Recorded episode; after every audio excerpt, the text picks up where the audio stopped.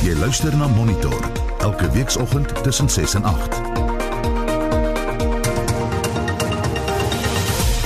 In die volgende uur van ons program die Mango Vleeniers Vereniging sê hulle vermoed die regering probeer om die laagkoste lugredery te sink. The Mango Exco and the Mango Board have been asking the Department of Public Enterprises since last year to place Mango in business rescue. Die Medupi kragstasie is na 14 jaar voltooi en TLU SA versoek die departement van water en sanitasie om die land se waterbron-infrastruktuur te herstel. Goeiemôre, ek is Anita Visser, baie welkom by Monitor.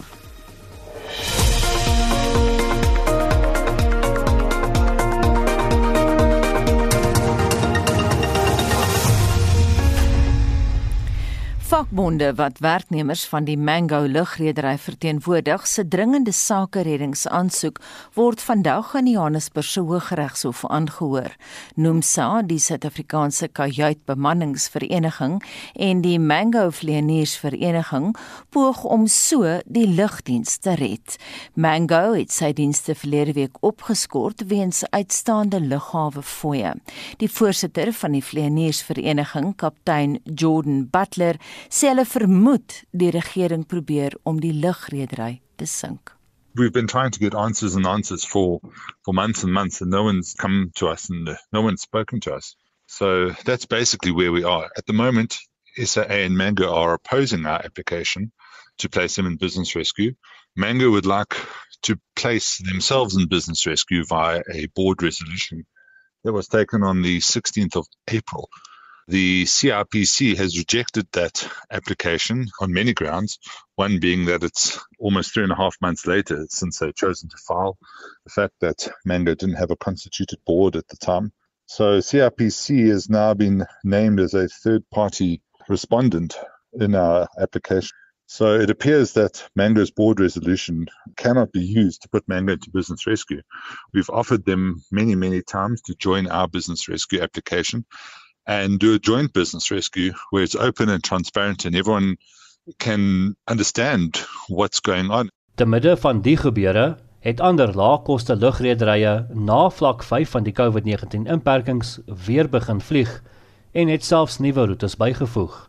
Mango het bloot nie geld gehad om ook aan te hou vlieg nie.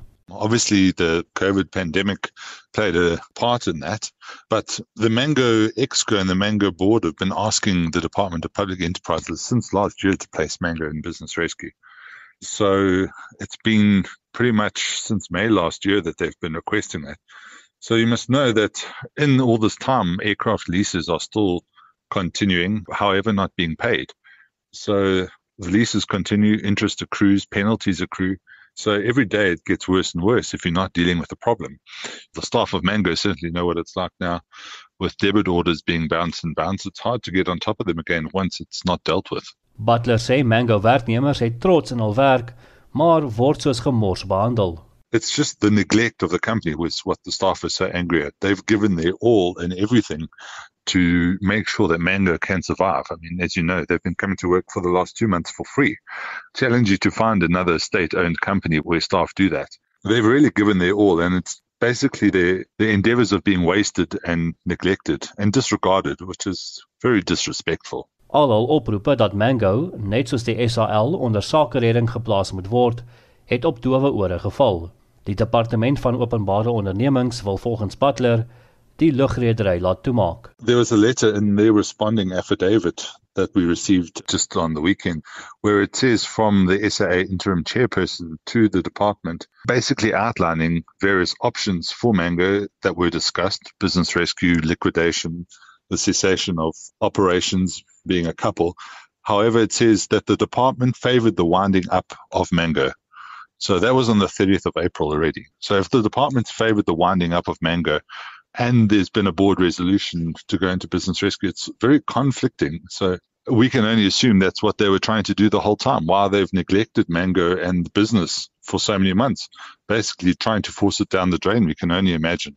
Hy sê hulle vermoed ook dat die nuwe strategiese vennoot vir die Suid-Afrikaanse lugdiens, die konsortium, Mango wil sluit om plek te maak vir eie laagkoste lugredery seems very convenient that the Takatsu consortium, which was only announced later, I think it was in June, that SAA was going to be partnering, effectively being given 51% of the SAA product. So that 51% includes the subsidiaries. How Mango fits into that with SAA and their low cost carrier lift, we've been trying to find out for months and months, but no one wants to tell us how. It seems that Takatsu is basically calling the shots and saying who they will take, who they won't take. I don't understand how. Surely the deal still needs to be negotiated. And if the intention is to close Mango since before the consortium was announced, it leads you to think that that's the intention is to close Mango to replace them with Lyft because you can't have two low cost carriers operating in the same space. Competition Commission will have a, a great problem with that. Hy is hoopvol dat die hof vandag in hul guns sal beslis wat betref die sake reddingsplan. We can have a, a joint business rescue with SAA and the shareholder. That way then it's all open and no one can point any fingers down the line to say it was in the shadows and this happened and that happened and people were coerced to do X, Y, and Z. We're very, very confident that we can get Mango into business rescue. That's one thing we do agree on. Our role as as a union is just basically to ensure good governance. We've applied to have our business rescue practitioner appointed in conjunction with SAA and Mango's business rescue practitioner so that there's someone there at the table looking after our interests. If they only have their business rescue practitioner, there's no one looking after Labour's point and Labour's interests. So all we want to do is make sure that Mango survives and jobs are protected. Volgens Butler sal 750 werknemers van Mango sonder werk sit as die lugredery sluit, maar die impak daarvan sal weier uitkring. The Mango is interlinked with a whole lot of other state-owned entities like SAA Technical, Air Traffic Navigation Services, the Weather Department, AXA. Those are all other government entities. So, should Mango withdraw their services, all their revenue is going to drop as well. Uh, there's other service providers like Menzies. They all play a role, and all their jobs will also be affected. Kaptein Jordan Butler, die voorsitter van die Mango Vlieëniersvereniging. Ek is Justin Kennerly vir SI Garnis. En ons bly by die storie en praat nou met die lugvaartekonoom Dr. Jagem Vermoten. Goeiemôre Jagem. Goeiemôre aan Anita en luisteraars. Jy het nou geluister na die vorige storie, het geluister wat die kaptein daar te sê het. Dink jy die hof gaan Mango onder sake redding plaas? Ek dink daar is 'n groot waarskynlikheid dat dit sal gebeur. Uh jy weet uh, dit lyk vir my dat 'n er, 'n goeie saak daar vooruitgemaak is. Jochie net om terug te gaan na die 7 eh, uur nuusbulletin toe en uh, ook in ons hooftrekke daar het ons gepraat van die feit dat die Mango Vlieëniersvereniging sê hulle vermoed die regering probeer om hulle te sink. Wat is jou reaksie op daai vermoede? Wel, dit is iets wat uh, die DPE op uh, moet antwoord. Ehm um, jy weet dit is so dat uh, Mango eintlik vir die hele ruk verliese toon. Uh volgens die inligting wat in die aansoek vervat is, het hy uh van 2019, dis nou Maart einde jare, uh tot uh, nou het hy 1.7 biljoen uh verlies gemaak. Uh dis hoofsaaklik toe te skryf dat hy net te veel uitgebrei is vir uh, sy deel van die mark hy het wel 'n uh, bewese deel van die mark uh, uh, wat hom ondersteun. Maar hy het opgegaan van 4 vliegtye na 14 vliegtye. Hmm. 'n mark wat uh, op daai stadium nie eintlik baie gegroei het nie.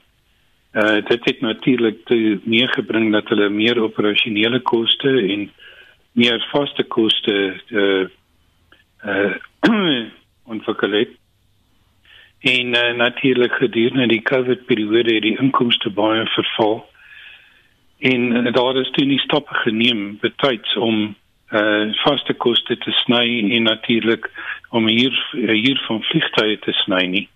Uh wat op daai stadium moontlik was. Ek dink die verhuurders van vliegtye het baie baie goeie uh goed saamgewerk met die industrie om vliegtye terug te neem of hierre uit te stel en so en so meer. Jy weet so daar's 'n hele paar verskillende geleenthede.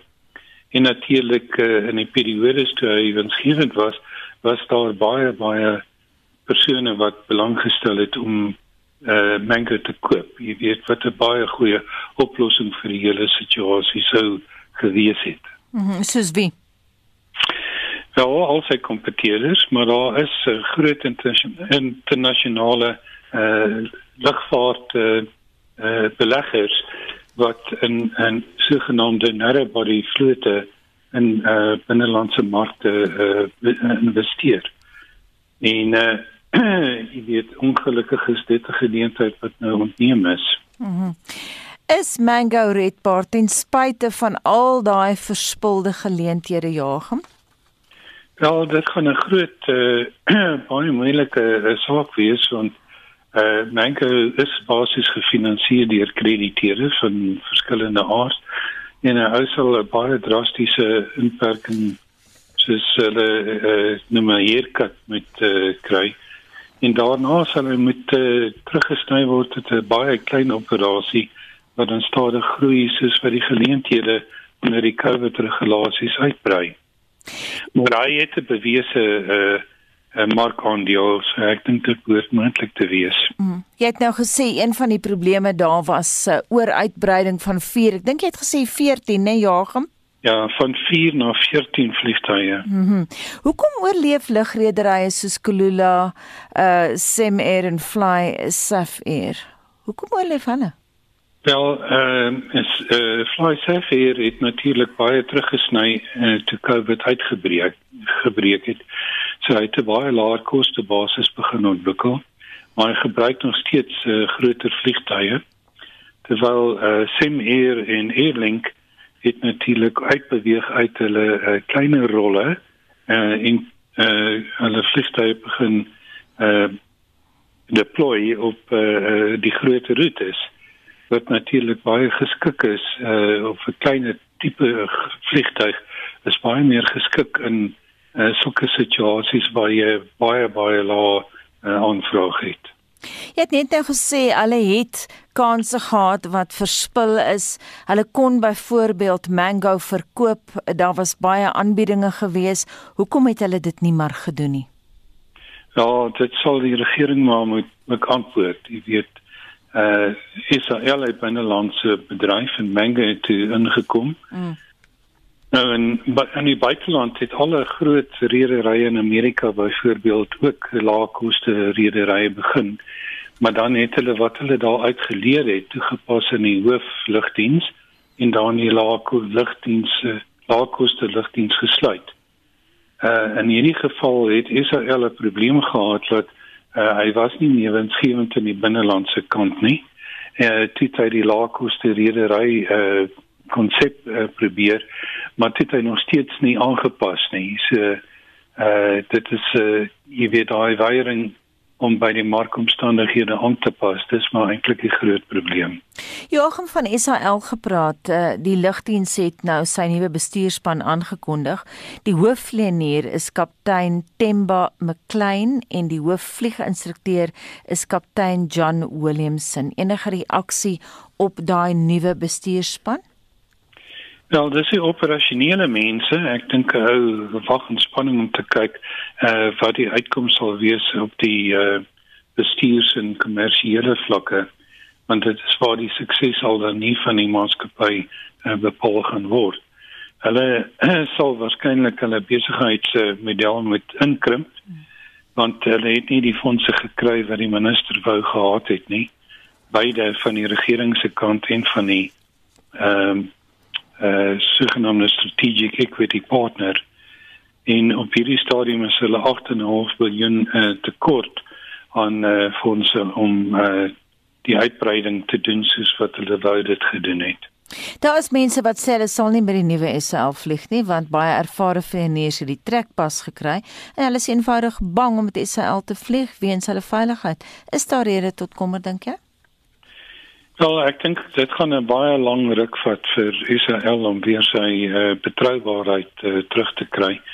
Uh en die belangrikste daar is sy gereeldheid. Dat mense kan staat maak uh dat hy uh sy geadverteerde skedules gaan bedryf. Uh dit vat 'n baie lang periode vir dit om gevestig te word En uh met ander woorde as jy so 'n operasie in die gang sit, dan het jy 'n baie groot mate van sogenaamde start-up losses. Uh totdat jy genoegsame ondersteuning in die mark kan ontwikkel. Net vinnig terug na daai onderhoud wat gevoer is met kaptein Jordan Butler, die voorsitter van die vleieniersvereniging. Hy het nou gesê hulle vermoed die regering probeer hulle sink en so aan. Maar hy het ook gesê jy sal min plekke kry waar mense so toegewyd is dat personeel 2 maande lank gaan werk het sonder om betaal te word. Maar nou is daar sien ek sprake dat daar is Amerikaanse lugrederye wat na stigtelik na vleieniers soek. Gaan ons 'n breindrein kry in daai vorm dat ons vleieniers en eenvoudig vir uh, ander lugrederye gaan vlieg. Ons sien dit al reeds met die Midde-Ooste. Ja, Anita, jy weet ons personeel in Suid-Afrika is in die algemeen uh, baie goed opgelei en uh, is gewoond om aan uh, streng uh, vereistes te voldoen. Ehm um, sodra die uh, verkeer uh, eintlik begin ontwikkel uh in COVID uh, onder beheer kom, uh, sal daar definitief 'n internasionale behoefte wees aan loodse. Baie dankie dit aan die mening van Dr. Joachim Vermoten, hy is 'n lugvaart-ekonoom. Een van Eskom se megaprojekte, die Medupi kragstasie, is na 14 jaar voltooi. Die laaste van die 6 opwekkingseenhede is Saterdag amptelik oorhandig aan Eskom 6 jaar nadat die eerste eenheid aangeskakel is. En ons praat nou met 'n dosent aan die skool vir chemiese en mineraalingenieurswese aan Noordwes Universiteit, Corneel Skabort. Goeiemôre. Môre Anita. Daar blyk gemengde reaksie op die nuus te wees, Corneels. Wat is jou mening? Wel, ek dink Eskom gaan baie ekonomies met die waarheid om deur te sê dat Medupi voltooi is en daar's twee redes hoekom ek dit sê. Die een rede is as ons kyk na hulle eie media verklaring, sê hulle self dat die stoomketels wat tans daar is, moet herstel word. Daar is ontwerpsfoute, en hulle het self gesê dit gaan nog 24 maande vat. So om te sê dit is klaar is so goed wat ek vir jou sê, hier is jou huis Anita en jy vra vir my, maar waar is die dak? En ek sê vir jou, maar die huis is klaar. En dis presies wat hier gebeur. Die ander ding waarna verwys word en dit is vroeër in die bulletin het uh, Ted Blom daarna verwys.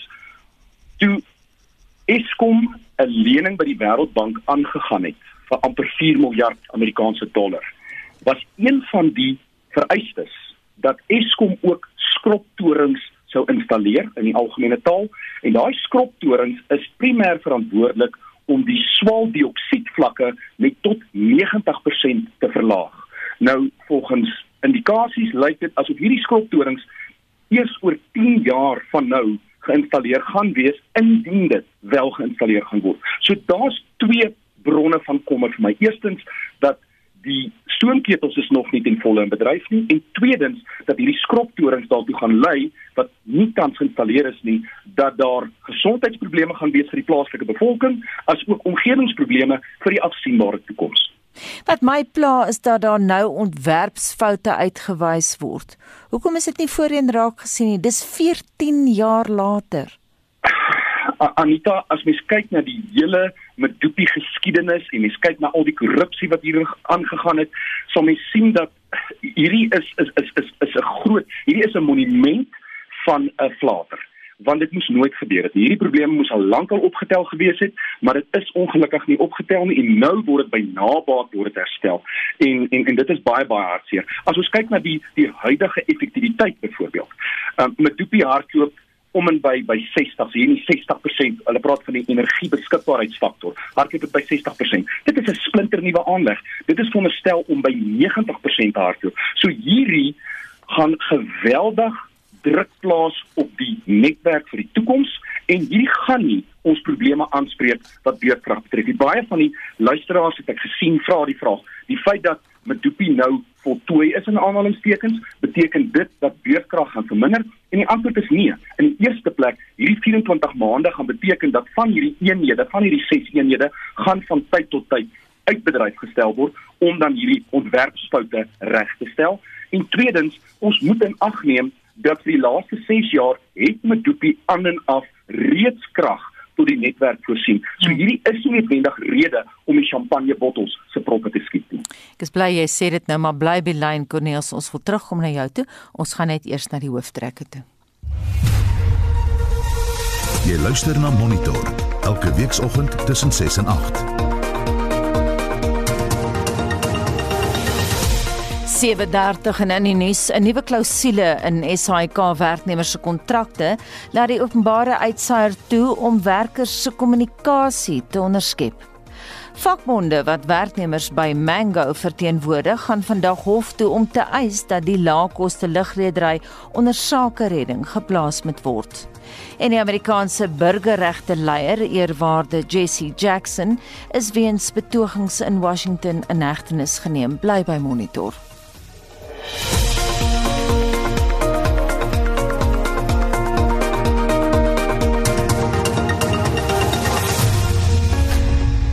Terug na ons onderhoud oor Medupi vir luisteraars wat dit gemis het, een van Eskom se megaprojekte, die Medupi kragstasie is na 14 jaar voltooi. Ons praat ver oggend met 'n dosent aan die skool vir chemiese en mineraal ingenieurswese aan Noordwes Universiteit, Corneel Skabord. Corneel, ek hoop jy's nog daar. Ek is nog hier so Anita. Jy het nou uh, dink ek reg gesê, dis nie tyd om uh, die champagne proppe te laat skiet nie, want hier gaan nie veel gebeur in terme van beurtkrag nie. Wil jy nie bietjie uitbrei daarop nie, want dit is die een vraag wat die luisteraars beantwoord wil hê. Dit raak tog ons almal. So, die kapasiteit van Medupi is 4,8 gigawatt. Maar ons moet weet dit is nie asof daar nou 'n skakel aangesit is en ewe skielik is daar 4,8 gigawatt toegevoeg tot die netwerk nie. Geleidelik, soos die eenhede in diens gestel is, het elkeen van hulle, want daar ses van hulle is om en by 800 megawatt, het daai 800 megawatt plus min bygevoeg geword tot die tot die netwerk. Met ander woorde, al wat nou gebeur het is is 'n addisionele eenheid is tans ook beskikbaar. Maar ons moet ook in ag neem dat een van daardie eenhede is tans nie noodwendig um, in bedryf tans nie, want daar word tans daaraan gewerk. So die feit van die saak is ons gaan vir die afsienbare toekoms nie konstant 4,8 gigawatt sien wat toegevoeg word tot die netwerk nie. En soos ek vroeër gesê het, die energiebeskikbaarheidsfaktor vir Medupi is tans in die 60s. Met ander woorde, jy kan daai 4,8 gigawatt eintlik vermenigvuldig met 60%. So dit is wat ons gaan kry. So daar gaan reeds 'n tekort wees. Nou iets anders waarna ek gekyk het Anita, as ons kyk na die geïntegreerde hulpbronplan, die ERP in Engels, die Integrated Resource Plan, sien ons dat daar is addisionele steenkoolkragstasies wat in die volgende 10 jaar uit bedryf gestel gaan word. Die ses grootes is Arnold, Camden, Grootvlei, Hendrina, Komati en Kriel. Nou daar's 'n plan dat hierdie dan stelselmatig uit bedryf uitgestel word want hierdie aanlegte se gemiddelde ouderdom is 50 jaar. Mm. Nou net om dit te sê, die totale kapasiteit van daardie 6 eenhede is 10,5 gigawatt. Dis om en by 'n derde van Suid-Afrika se elektrisiteitsgebruik. So ons moet weet dat in die volgende 10 jaar gaan ons 'n derde in kapasiteit verloor en gevolglik moet dit vervang word. En daar is waar ek effe bekommerd is of Suid-Afrika of die regering regtig ernstig genoeg is Ek weet die plan sê ons gaan wind bysit om en by 1,6 gigawatt per jaar vir die afsienbare tyd en vir sonkrag dieselfde. Maar as ek kyk wat tans aan die gang is Anita, dit voel vir my daar soveel rondslomp en birokrasie waar ons eerder kan sê maak die deure oop en dit is waar ek glo die antwoord lê in dit wat president Ramaphosa onlangs aangekondig het waar hy gesê het daai 100 megawatt 'n limiet wat daar is. Ek glo die antwoord lê nie by Eskom nie, die antwoord lê by daai 100 megawatt privaat inisiatiewe en ek wil eintlik 'n beroep doen op die privaat sektor. Dit is tyd dat ons moet besef. Ons kan nie wag vir die regering om hierdie probleme op te los nie. Hulle het ons baie mooi bewys met Bedoepie, hulle is nie in staat om dit te doen nie. So wat ek eerder sal sê is, kom ons fokus op staatsentiteit en ek bedoel as ons die lys deurgaan SAL, Mango wat sê nie staats is, hmm. Eskom. Dit is dit is nie goed nie. Kom ons fokus privaat sektor en ek dink ons hoop lê eerder daar en as ons maar privaat maatskappye na die terrein toe kan betree en krag kan produseer, glo ek is daar moontlike hoop vir minder beurtkrag in die afsienbare toekoms. Maar ek wil net hê die luisteraars moet weet, yes, Bedoepie is nou daar, wonderlik, maar ons verloor 6 kragstasies in die volgende 9 jaar om korrek te wees van die laaste een in 2029 uit wees. En daarna is daar nog steenkoolkragstasies wat uit bedryf gestel gaan word. Hmm. Daardie waarskuwing kom van 'n dosent aan die skool vir chemiese en mineraal ingenieurswese aan Noordwes Universiteit, Corneels Skabort. Jy luister na Monitor, my naam is Anita Visser en dis nou 7:36. Is jy wag gelukkig nog geduldig, né? Nee? Ja, Anita, Pieter sê ek is 30 jaar gelede as uh, ek het 30 jaar gelede as kind my eerste kornea oorplanting gehad en as dit nie vir dit was nie sou ek nie meer kon sien nie. Ek het 'n totaal van 4 kornea oorplantings gehad. Die laaste een was 3 jaar gelede en ek is baie dankbaar vir mense wat organe skenk en Pieter sê hy is self ook geregistreer as 'n orgaanskenker. En Anita De Langen laat weet ek is 'n orgaan en weefselskenker, ook 'n lewensskenker skenker. My pa het 'n nieroorplanting gehad en daarna vir nog baie jare geleef. 'n Klein seentjie wat in 'n motorongeluk oorlede is, het sy lewe gered en daarsonder sonder daardie lewer sou ek sonder 'n pa groot geword het. Kom ons luister nou na van ons stemnotas van ons luisteraars. In Suid-Afrika moet jy doelbewus kies om 'n orgaanskenker te word en daarom sukkel ons so om organe te kry. In sommige Europese lande is die posisie net teenoorgestelde. Daar is almal deur middel van wetgewing outomaties skenkers en as jy nie 'n skenker wil wees nie, moet jy doelbewus so 'n keuse maak. Ek wonder nogal of dit nie vir ons sal help as die regering die wetgewing so verander dat alle mense uh, se organe byvoorbeeld al geskenk kan word en net as jy gewetensbeswaar of ander redes het daarteen dat jy dan doelbewus vooraf moet sê dat jy nie 'n skenker wil wees nie. Ek het nou 2 weke terug het ek my laat registreer vir 'n orgaanskenker. Alhoewel ek lank gesukkel het om een te word, uiteindelik is ek nou een. Ek is nog redelik gesond soos 'n vis in die water en ek kan nie sien hoekom ek nie my gesonde organe vir iemand anders te kan skenk nie. Laat weet vir ons as jy geregistreer is as 'n orgaan of 'n weefselskenker en indien wel hoekom jy daardie besluit geneem het en as jy nie 'n skenker wil wees nie, hoekom nie? Stuur vir ons 'n SMS na 4588919 R50 per SMS. Gaan gesels saam op ons Monitor en Spectrum Facebook bladsy of stuur vir ons 'n WhatsApp stemnota na 076 536 6961. En as jy jou organe of weefsel wil skenk, kan jy gaan na www.odf.org.za en volg net die skakels. En nou gaan ons na Shaun Jooste toe vir die jongste sportnuus. Dit is weer tyd om na van die jongste ranglyste en puntelere te kyk. Ons begin met die Olimpiese spele in Tokio in Japan se medaljelys. China het dag 10 as die voorlopers op 62 medaljes wat 29 goud, 17 silwer en 16 brons medaljes insluit geëindig. Die VSA was tweede op 22 goud, 25 silwer en 17 brons en die gasheer Japan derde op 17 goud, 6 silwer en 10 brons medaljes. Die Suid-Afrikaanse atlete kon nog net 3 medaljes verower. Die swemmer Tatiana Skoenmaker het 1 goud en 1 silwer en Bianca Breitenberg 1 silwer medalje op haar branderplank gewen. Rugby. Die Suid-Afrikaanse span vir Saterdag se derde en laaste, ook die beslissende toets teen die Britse en Ierse leeu's word vanmiddag kwart voor 2 bekend gemaak. Die leeu's het die eerste toets 22-17 gewen, terwyl die Springbokke 27-9 in die tweede toets geseëvier het. Die Bokke bly nommer 1 op wêreld rugby se jongste ranglys met die All Blacks tweede en Engeland derde. Ierland is vierde en Frankryk vyfde. Op die Karibeker punteleer is Griekwas die voorlopers op 24 punte na 7 rondes. Die Bulle is tweede ook op 24 punte na 6 wedstryde. Die Haie het 21 na 6 en die Pumas 20 punte na 7 rondes. Kriket Op die ICC Superliga punteleer staan Engeland op 95, Bangladesh op 80, Australië op 60 en Indië op 49 punte. Suid-Afrika is 10de op 24 punte. Engeland is ook nommer 1 op die T20 ranglys met Indië tweede en Nieu-Seeland derde. Die Proteas is 6ste. In die 100 toernooi in Engeland in die mansafdeling is die Trent Rockets op 6, Oval Invincibles op 5 en Manchester Originals ook op 5 punte, eerste, tweede en derde. In die vroue afdeling is die Southern Brave op 8, Northern Superchargers op 7 en Welsh Fire op 4 punte, die top 3. Die Suid-Afrikaner Danai van die Kerk is 4de op die golfranglys op 120 lopies en 14de op die bulranglys met 4 paaltjies in die toernooi. Motorsport. Die Brit Lewis Hamilton is die nuwe voorloper op die Formule 1 punteleer en het nou 195 punte agter sy naam. Max Verstappen van Nederland is tweede op 187 en die Brit Lando Norris derde op 113 punte.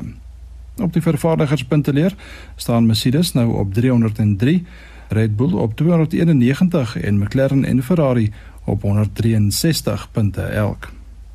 In die tenniswêreld is daar geen verandering onder die top 3 mans en vroue spelers nie. Die mans is Novak Djokovic van Servië, Daniel Medvedev van Rusland en Rafael Nadal van Spanje. Suid-Afrika se Lloyd Harris is nou 50ste en Kevin Anderson 75ste. Die vroue is Ashley Barty van Australië, Naomi Osaka van Japan en Aryna Sabalenka van Belarus. Die Suid-Afrikaner Ryan Klassen is 23ste op die mans dubbelspel ranglys. En laastens in die golfwêreld word die top 3 plekke op die jongste mansranglys deur Gon Ram van Spanje en die twee Amerikaners Dustin Johnson en Colin Morikawa bekleem. Die top 3 Suid-Afrikaners op die lys is Louis Oosthuizen op nommer 8, Gary Kigo 41ste en Christian Besaidnout nou 44ste. En die top 3 vroue spelers is Nelly Korda van die FSA en Jin Yanko en Inbi Park van Suid-Korea. Suid-Afrika se Ashley Buy val met twee plekke na 80ste. Shaun Schuster, SAK Sport. Nou kyk ons na wêreldnuus gebeure. 'n 24-jarige atleet uit Belarus, Kristiana Timanovskaya, het 'n humanitêre visum van die Poolse ambassade in Japan ontvang. Dit volg op aantuigings dat sy op gewelddadige wyse gedwing is om Japan te verlaat nadat sy haar afrigters gekritiseer het. Marlene Forsie vir ons die ander eh, internasionale kwessies dop en Marlene om te begin uh, by Christina, sy het gesê sê sy vrees vir haar lewe as sy teruggaan, as sy moet teruggaan na haar land of hoe? Inderdaad Anita, sy het 'n video gemaak op die lughawe waar sy vra dat die Olimpiese Komitee ingryp. Nou Mark Adams wat op die Olimpiese Komitee dien, het die media kort tevore in die verband toegespreek. We spoke to her twice. Uh, she reassured us once again she's feeling safe and secure. I believe there's a call going on this morning with her as well. Together with the relevant authorities and uh, the competent organisations, she is planning her future. We're also, as I said yesterday, in contact with UNHCR, our partner, which is helping her. In terms of what the IOC can do for her in terms of her future, we have talked to them with regard to her uh, sport after her arrival in Warsaw, if that's where she does indeed uh, choose to end up. Nou formele ondersoek na die kwessie is onderweg. Intussen is die hoof van 'n organisasie wat inwoners van Belarus help om land uit te vlug as vermis aangemeld in Oekraïne. Vitaly Shivashov is na bewering onlangs agtervolg en het nooit weer teruggekeer nadat hy gister gaan draf het nie. Intussen is daar gevegte om die behoud van 'n belangrike stad in Afghanistan onderweg. Ja, die betrokke stad is Lashkar Gah, dis in die Helmand provinsie en indien die Taliban die stad oorneem, is dit die eerste provinsiale hoofstad wat deur die regering verloor word. 'n TV-stasie in die stad is reeds oorgeneem en duisende mense uit landelike gebiede soek nou skuilings in geboue. Dit ten spyte van lugaanvalle deur die VSA en Afghanistan se weermag. Nou Helmand was die spulpunt waarmee Britse en Amerikaanse betrokkeheid in die land gedraai het en indien die Taliban dit nou oorneem, sal dit beskou word as 'n reuse terugslag vir die regering. En dan gaan ons na Afrika, die VN Kinderfonds waarsku dat die aantal kinders in Ethiopiese Tigray streek wat behandeling vir akute wanvoeding ontvang, drasties kan toeneem weens die voortsleepende geweld.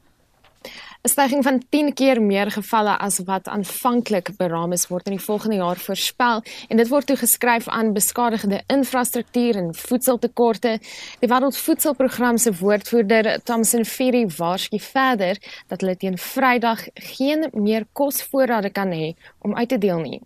This is a catastrophic situation and we need all hands on deck, trucks getting in supplies moving in, aid workers accessing in and out of Tigray at a much faster rate. A convoy of over 200 trucks is on its way now from Semera to Mekele. This is a drop in the ocean. We need at least 100 trucks to be making their way every day into Tigray. En dit was die Wêreldvoedselprogram se woordvoerder, Tamsin Fury.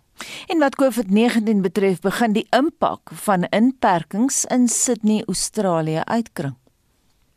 Ja, die lugdiens Qantas het bevestig dat minstens 2500 werknemers afgelê moet word weens die impak van 'n verbod op reis um, uitbreking sedert Junie het heelwat stede genoodsaak om strenger inperkingsregulasies daarin te stel.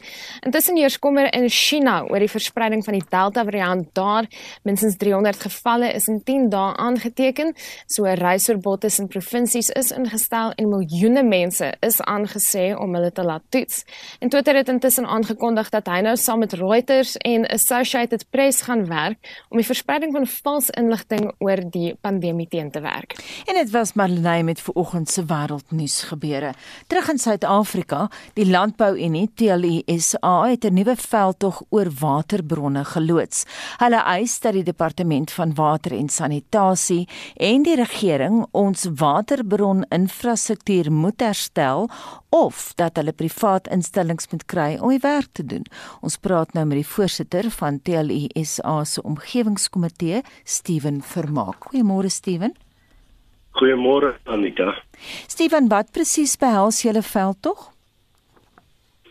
Anita, dit gaan daaroor dat ons wil graag begin optree ten opsigte van die uh, kwaliteit van water en die, die besoedeling van water waar ons nou al geruime jare met die departement gepraat en daar word geen reaksie van die departement word gedoen om hierdie probleem op te los nie en uh, ons kan gaan daarmee nie want Ons moet ons water vir die res van ons kinders se nageslagte en goed moet ons die water probeer bewaar en selfs vir landbou wat wat ons kardinale belang is vir die land vir die voorsiening van voed van suiwer voedsel in die land en die ekonomiese vatbaarheid daarvan. En dit is vir ons baie belangrik dat ons hierdie bron so suiwer en skoon kan hou as moontlik Nou sê vir my die regering het in die verlede hom nie gesteer aan julle oproepe nie. Hoekom sal hy dit nou doen? Aan hierdie stadium die regering is dit is as gevolg van wanbestuur van daardie plekke in in die kettinggroep byvoorbeeld munisipaliteite waar die waar die bestuurders persoonlik moet aangekla word vir hierdie vir hierdie probleem en ons sal dit net moet na 'n punt toe dryf. Want ons kan nie so aangaan nie want op hierdie stadium word ons ondergrondse besoedeling al hoe erger en daar is selfs mense wat begin uh maagaandoenings doen wat baie meer is en vissery en selfs ons plante groei binne in die rivierstelsels is besig om tot nie te gaan en ons sal baie ander dringend aandag aan gee en as die regering nie wil aandag daaraan gee dan sal ons moet begin self aandag daaraan gee om dit na die regte punt toe te vat. Jy praat nou van uh, self aandag daaraan gee. Ons het ook in die inleiding verwys na die feit dat TLUSA graag wil hê die privaat sektor moet betrokke raak. Is dit nie nou die stap vorentoe nie want daar moet dringend aandag gegee word nou? Dit is die stap vorentoe want dis hoekom ons graag die uh, plaaslike gemeenskappe en die private sektor graag wil betrokke raak en meer dat ons meer aandag aan hierdie ding kan gee om die probleem op te los. Dat ons kan kyk wat kan ons doen om hierdie probleem, waar is die oorsprong van die ding en dis hoekom ons ook 'n beroep op die publiek doen. Waar daar riool en goed bly uitloop, stuur vir ons die foto's sodat ons die bewysstukke kan regkry dat ons die regering kan aanvat op hierdie ding want in die ander asem wil ek ook sê die regering vra vir elke individu vir skoon water moet hy betaal. En elke jaar word hierdie tariewe al hoe hoër en al hoe hoër. Maar sy werk wat hy moet doen doen hy nie. Dit meen ons gaan moet definitief na die tariefstelsel ook gaan kyk wat ons in die toekoms gaan betaal vir hierdie vuil water wat hulle vir ons verskaf in landbousektor en in nywerheidsgebiede en plaaslike regeringsplekke. Steven, wat se terugvoer kry julle van die privaat sektor af? Is hulle bereid om te help? Ons het al 'n klompie navrae van die ehm um, die verklaring uitgereik is van gister af het ek al 'n redelike klomp navrae gekry hier verband wat probleme het en ons sal wel verder met mense met sekere maatskappye sal ons wel in aanraking kom om hierdie probleem verder te vat. Uh, Janita. Baie dankie. Ons sal beslis daai storie opvolg. Dankie vir jou insette en sterkte met julle werk. Dit dan uh, Steven Vermaak. Hy's voorsitter van TLI SA se omgewingsake komitee. Die SAIK beoog om in die toekoms werknemers se kommunikasie te onderskep. Die openbare uitsaaier sê in 'n klousule 24 van sy nuwe indiensneming kontrakte dat hy die reg voorbou om op inkomende en uitgaande e-posse op te tree. Die SAIK bou verder ook die reg om in te luister op selfoon en foongesprekke en om teksboodskappe te lees, te berg en te blokkeer, so berig Marlenae Forsie. SAIK werknemers se kommunikasie kan moontlik onderskep word wanneer hulle die SAIK se eiendom en toerusting gebruik soos rekenaars en skootrekenaars. Opricha Balala van die kommunikasievakbond CWU sê dit kan nie toegelaat word nie. Well, firstly, we reject it. We don't think it's acceptable. More so that we are in a democratic uh, environment or space. I mean, we are 20 years plus into a democracy, and the SABC policy seems to take us back into the dark days of apartheid, where not only workers, but uh, most critically, including journalists, that will be under surveillance. So it means that even their sources where they will get the news, it might be difficult for them to do that because now they will be under surveillance. It interferes with the freedom of press. So it's very important that we challenge this move. 'n Woordvoerder van die Right to Know veldtog, Lazola Kati, sê die klousule moet betwis word. We believe that these types of tactics are definitely a gross violation of democratic values and democratic principles, and also, quite frankly, should be illegal.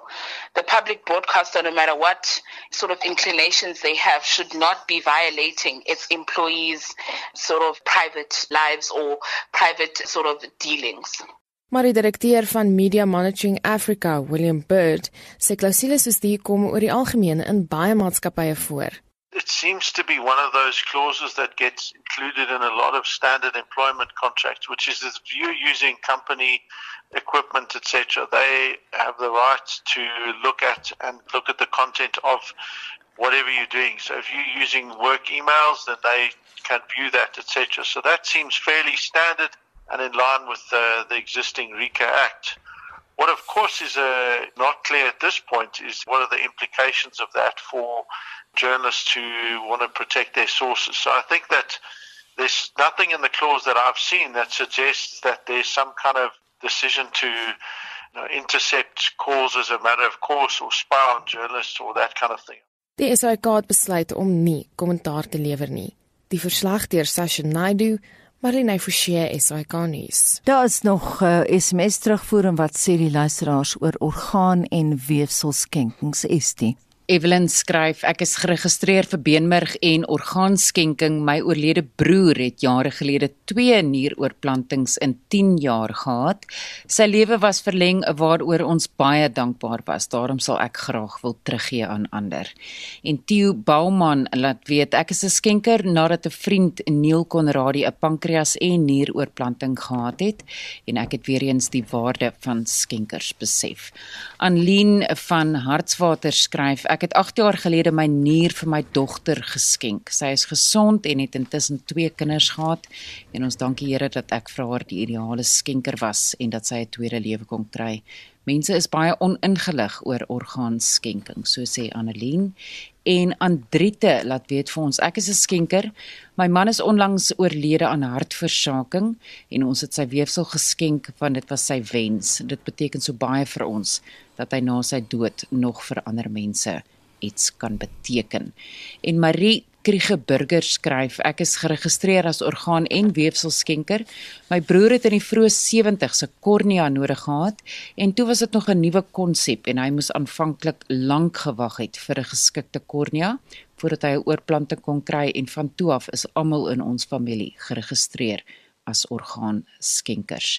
En Bella Clayton laat weet vir ons ek is 'n skenker en ek is 67 jaar oud. My plakkertjie is op my selfoon, in my motor en in my ID-boek. My kinders is bewus ook van my lewende testament, maar my familie kan nog steeds die besluit neem om dit nie toe te laat nie. En dan sê CR Ferreira, ek en my vrou het 'n lewende testament. Ons wil nie kunsmatig aan die lewe gehou word nie. Ons organe en weefsel kan geskenk word voordat ons veras word. En dan laastens sê Edlin Lahaak, ek sal my definitief as orgaanskenker registreer en aan iemand 'n vol lewe skenk wat aan een of ander hart, nier of lewer siekte ly. Dis 'n riem onder die hart om te weet dat in my graf is ek 'n held vir iemand anders en sy geliefdes. Baie dankie vir jou terugvoer vanoggend.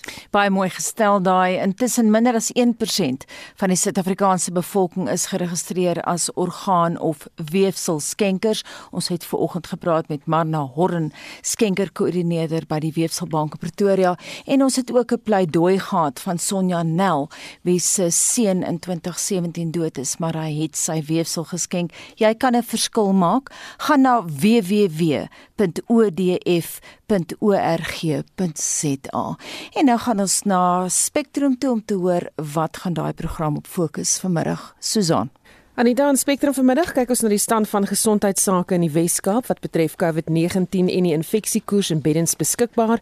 Die SAK word van meeluistering beskuldig na die uitsaaier besluit het om alle telefoon en e-pos kommunikasie van werknemers te monitor en Suid-Afrika se swemsensasie Tatjana Skoenmaker word as 'n held verwelkom met haar terugkeer na die land. Dit alles in Spectrum vanmiddag.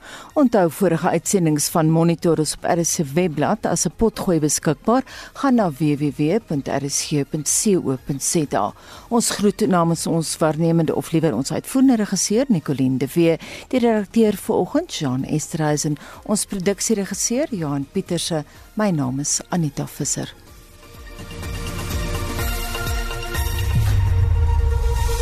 Esai Kahnis, onafhanklik, onpartydig.